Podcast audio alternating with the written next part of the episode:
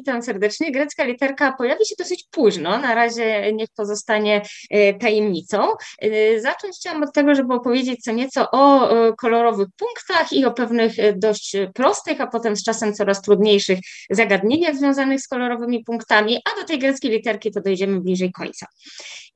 Na początek rozważmy sobie taki problem każdy punkt płaszczyzny, każdy, mam rozłożoną całą płaszczyznę i wszystkie możliwe punkty na niej, każdy pomalowano na czerwono lub żółto, czyli ktoś przyszedł i pomalował według swojego widzimisię, nie wiemy jak.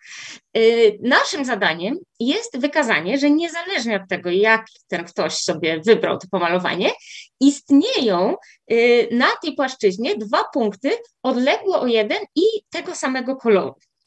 Y, jak można tutaj no, zaatakować ten problem? Y, no, po pierwsze, można sobie popatrzeć na jeden wybrany punkt. Ja tutaj taką dużą kropkę narysowałam, to jest mój punkt. No i ten punkt, y, no, ponieważ każdy jest pomalowany, no to ten punkt też, no i on jest czerwony lub żółty. Przypuśćmy, tak jak na moim rysunku, że jest żółty. E, jeżeli jest czerwony, to oczywiście rozmowa nie jest analogiczna. I teraz, ponieważ szukamy dwóch punktów odległych o jeden i tego samego koloru, no to możemy zacząć sprawdzać wszystkie punkty odległe o jeden. Powiedzmy, że to jest jednostka. Wszystkie punkty odległe o jeden od ustalonego punktu no, mają tę miłą własność, że tworzą okrąg. No, na razie to taki czarny rysuję, no ale y, te punkty też są jakichś kolorów. Tak? Więc jeżeli my sobie popatrzymy na wszystkie punkty odległe o jeden i zastanowimy się, jakiego są koloru, jeżeli którykolwiek z nich jest żółty, no to dodam, znaleźliśmy dwa punkty odległe jeden tego samego koloru i żółte. No a jeżeli okaże się, że wszystkie są czerwone, no to też jest świetnie, dlatego że jeżeli wszystkie są czerwone, bo żaden nie chce być żółty, to wtedy możemy wybrać dowolny punkt i jakiś odległy o jeden. Nasz, y, nasz okrąg na średnicę 2, więc na pewno da się w nim wskazać taką cięciwę długości 1 i znaleźć też dwa punkty odległe o jeden i tego samego koloru, tylko tym razem czerwony. Więc sprawa jest ogólnie dosyć łatwa, strategia postępowania, jak widać, też. Y, można zauważyć, że to samo zadanie, skoro już przed chwilą rozwiązaliśmy e, tak trochę na siłę, badając ten okrąg, to że to samo zadanie można rozwiązać łatwiej. Można mianowicie powiedzieć, e, raz jeszcze, rozwiązując dokładnie ten sam problem, e, rozważmy od razu trójkąt o boku długości 1 tak? to jest jednostka teraz, i nieznanych nam jeszcze kolorach wierzchołków, te puste kółeczka są jeszcze niepomalowane. Ponieważ mamy tylko dwa kolory, a aż trzy wierzchołki, no to musi być tak, że któryś kolor się powtarza. A jak któryś kolor się powtarza, powiedzmy czerwony, no to w ten sposób y, pokazujemy, że musi istnieć odcinek o długości 1 i końcach tego samego koloru. I to jest taka druga strategia badania tego typu problemów, wybrać jakiś sprytny kształt i y, patrzeć na punkty wyznaczające nam ten kształt, w tym przypadku wierzchołki trójkąta. Idąc kawałeczek dalej, rozważmy taki problem. Y, każdy punkt płaszczyzny pomalowano na czerwono, żółto lub niebiesko, czyli mamy trzy kolory. I też mamy pokazać, że istnieją dwa punkty odległe jeden i tego samego koloru. Ja tutaj od razu mam narysowany bardziej zagmatwany kształt niż nasz trójkąt, y, z przyczyn takich, że dla trójkąta y, oczywiście sprawa może się nie udać, bo może być tak, że jak zaczniemy od trójkąta o boku 1, no to każdy wierzchołek jest innego koloru.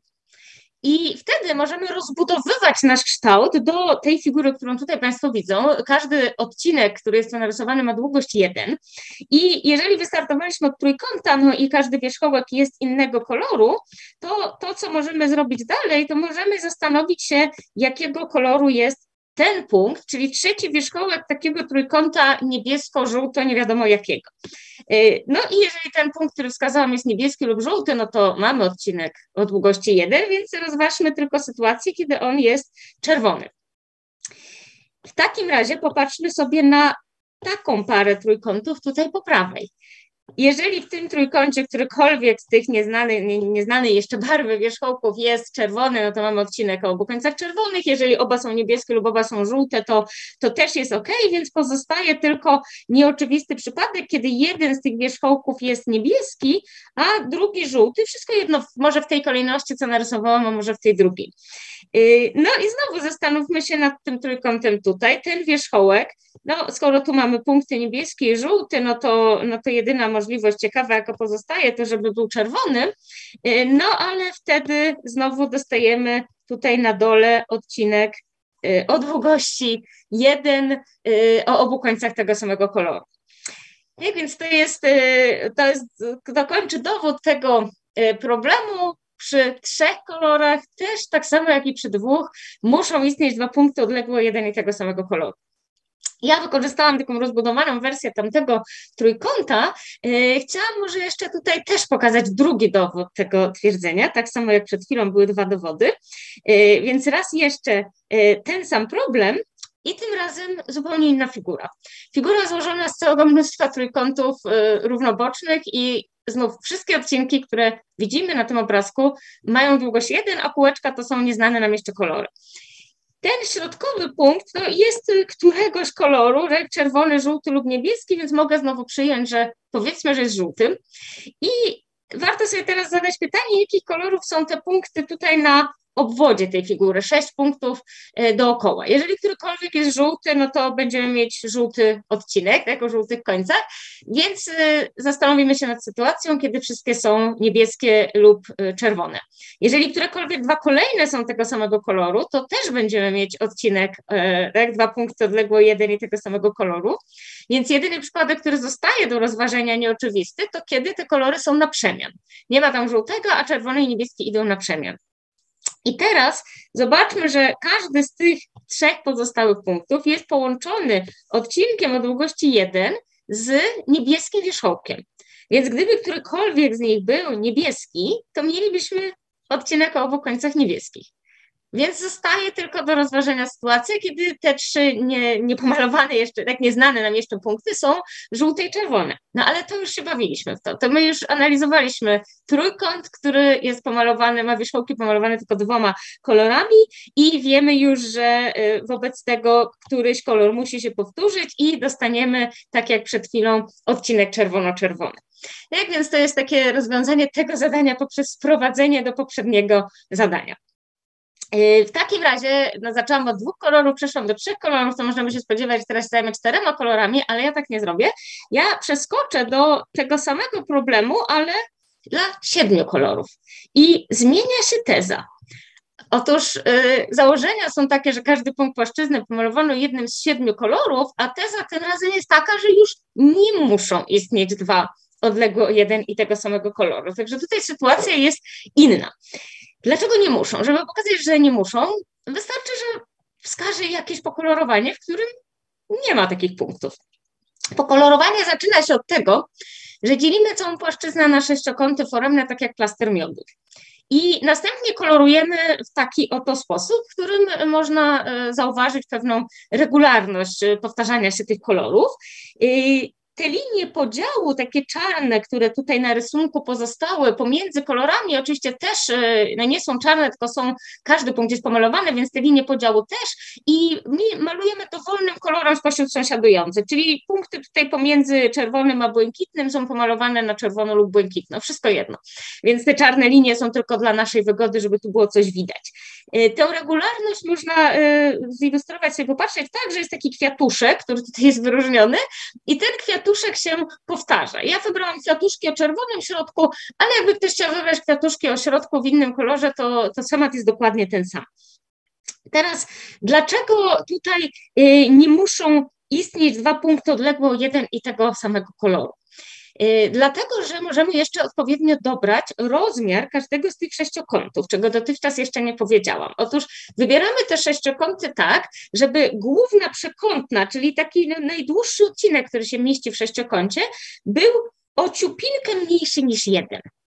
I Popatrzmy przykładowo na kolor czerwony, a dla wszystkich pozostałych jest tak samo. Dlaczego nie ma odcinka o dwóch punktów odległych o jeden i o kolorze czerwonym. No wewnątrz jednego sześciokąta nie ma, bo sześciokąt jest za mały. Natomiast odcinek, który ma jeden koniec w jednym sześciokącie, a drugi koniec w innym sześciokącie, tak jak tutaj pokazuję, albo być może gdzieś tam jeszcze dalej, jest z kolei za długi. Y, żeby się przekonać, że jest za długi, y, wystarczy popatrzeć na takie dwa najbliżej położone sześciokąty i na to, że skoro taki główna przekątna jest taka ciut poniżej jedynki, to znaczy, że bok sześciokąta jest ciut poniżej połówki i bardzo proste geometryczne, takie już nie, będę już tutaj pokazywać, bo zupełnie nieciekawe rachunki pozwalają stwierdzić, że taki jeden czerwony sześciokąt od takiego drugiego jest odległo o więcej niż jeden, tak? bo tutaj się mieści bok, jeszcze jeden bok i jeszcze taki kawałek, który odpowiada mniej więcej połówce boku, więc tam odległość jest większa niż mniej więcej 1,25, jeżeli mamy tutaj prawie jedynkę. W związku z czym rzeczywiście y, przy takim pokolorowaniu faktycznie nie ma dwóch punktów odległych o jeden i tego samego koloru. Możemy wobec tego zadać sobie pytanie dalej, a co będzie dla liczb jeszcze innych niż 7? Weźmy ósemkę na przykład. Teza pozostaje dokładnie taka sama. Twierdzę, że nie muszą istnieć dwa punkty i dowód też okazuje się, że pozostaje w zasadzie taki sam. Wystarczy mianowicie tym ósmym kolorem, powiedzmy takim czarnym, przemalować jeden sześciokąt, ale tylko jeden w całości to odcinka o obu końcach tego koloru i długości 1 nie ma, bo sześciokąt jest za mały, a nic innego nie przemalowaliśmy tym kolorem, więc i żadnego innego odcinka też tutaj nie ma, poza tymi, które się mieszczą w całości w tym sześciokącie.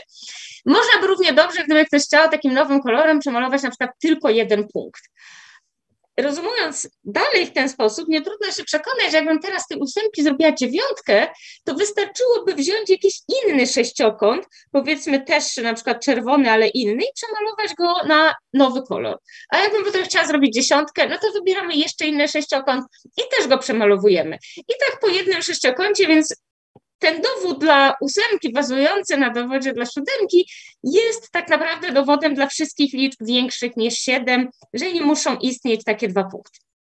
Podsumujmy to, co to, co dotychczas powiedziałam. Jeżeli każdy punkt płaszczyzny pomalowano jednym z n kolorów, zaczęłam od dwójki trójki, a potem przeskoczyłam do siódemki, ósemki i liczb większych, to ogólnie pytanie jest, czy muszą istnieć dwa punkty odległe jeden i tego samego koloru.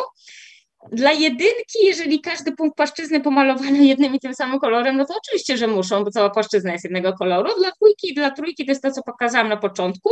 Dla 4, 5, 6 przeskoczyłam, a dla większych równych 7, no to, no to nie, bo to powiedzieliśmy przed chwilą, były te przykłady z sześciokątami, że nie. I teraz pora wreszcie na grecką literkę chi.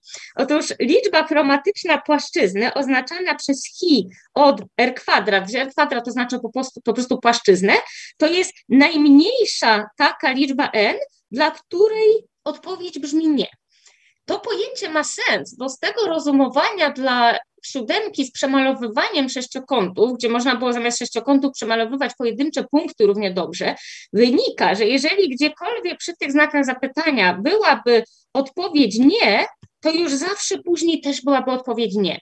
Czyli to wygląda tak, że do pewnego miejsca, być może do tego, być może do tego, być może do tego, a być może do tego miejsca odpowiedzi są tak, a od pewnego miejsca odpowiedź jest nie. Czyli rzeczywiście jest taki przeskok i miejsce, gdzie następuje ten przeskok, to jest właśnie ta liczba chromatyczna. Pokazaliśmy, że liczba chromatyczna ma wartość między 4 a 7. E, ten problem został postawiony w połowie XX wieku mniej więcej, żeby taką liczbę chromatyczną płaszczyzny wyznaczyć i to, co myśmy tutaj pokazali, też było wtedy znane. Problem zyskał swoją nazwę i problem jest do dziś problemem otwartym. Nie wiadomo, jaka jest dokładna wartość tej liczby chromatycznej płaszczyzny. Y, wszystko, prawie wszystko, co do niedawna było wiadomo, to Państwu teraz w ciągu tych małych kilkunastu minut y, pokazałam. Y, pewien przełom dodatkowo nastąpił w roku 2018, więc bardzo niedawno, kiedy z użyciem komputera wykazano, że ta liczba chromatyczna jest przynajmniej 5, tak? czyli że tutaj ten znak zapytania został zastąpiony słowem tak i wiadomo już teraz, że nie między 4 a 7, tylko między 5 a 7. Nic nowego nadal nie wiadomo. Tego dowodu Państwu nie pokażę, bo żadnego dowodu, który dałoby się pokazać na wykładzie nadal nie ma. Jest dowód komputerowy, został on tam na różne sposoby zweryfikowany, trochę uproszczony. Nadal najprostsza konfiguracja świadcząca o tym, że tak, ma, to jest taki układ, który ma 500 punktów i ponad 500 punktów i ponad 2500 odcinków je łączących i, i jest sprawdzony z użyciem komputera. E, także teraz już, teraz już wiedzą Państwo wszystko, co wiadomo na temat tej, e, tej liczby chromatycznej płaszczyzny, no z dokładnością do, do tego, że nie przedstawiłam tego wyniku. E, na koniec chciałam jeszcze tylko powiedzieć, że to jest bardzo szczególny przypadek czegoś, co się ogólnie nazywa liczbą chromatyczną grafu. Y, otóż graf to są punkty, które nazywamy wierzchołkami, połączone liniami, które nazywamy krawędziami. Tu jest jakiś graf o czterech wierzchołkach, jakoś tam połączony i kolorowanie wierzchołków grafu, takie poprawne, jakie się rozważa, jest, ma spełniać takie warunki, że wierzchołki, które są połączone krawędzią, mają być różnych barw. Więc to, co tu w rogu widać, to jest poprawne pokolorowanie. Te dwa wierzchołki mają prawo oba być czerwone, bo nie są połączone. Y, z przykładów, które rozważaliśmy, ten obrazek to jest pewien graf i to jest złe pokolorowanie, bo tutaj te dwa wierzchołki oba są czerwone, są połączone krawędzią, więc nie wolno y, pokolorować ich tym samym kolorem. Dobre byśmy uzyskali, gdybyśmy tutaj dopuścili czwarty kolor zielony. Z tego wynika definicja liczby chromatycznej grafu, to jest najmniejsza liczba barw potrzebnych do poprawnego w tym sensie pomalowania grafu. A z tych dwóch rysunków powyżej wynika, że liczba chromatyczna tego konkretnego grafu jest równa 4, bo trzy kolory nie wystarczą, a cztery kolory wystarczą. Y, I teraz, jeżeli byśmy sobie rozważyli taki bardzo specyficzny graf, którego wierzchołkami są wszystkie punkty płaszczyzny, a krawędzie łączą każde dwa punkty odległe o jeden, no to takiego grafu no, narysować się nie da, no bo wszystkie punkty, no to czysta kartka papieru, no ale ciężko narysować wszystkie krawędzie.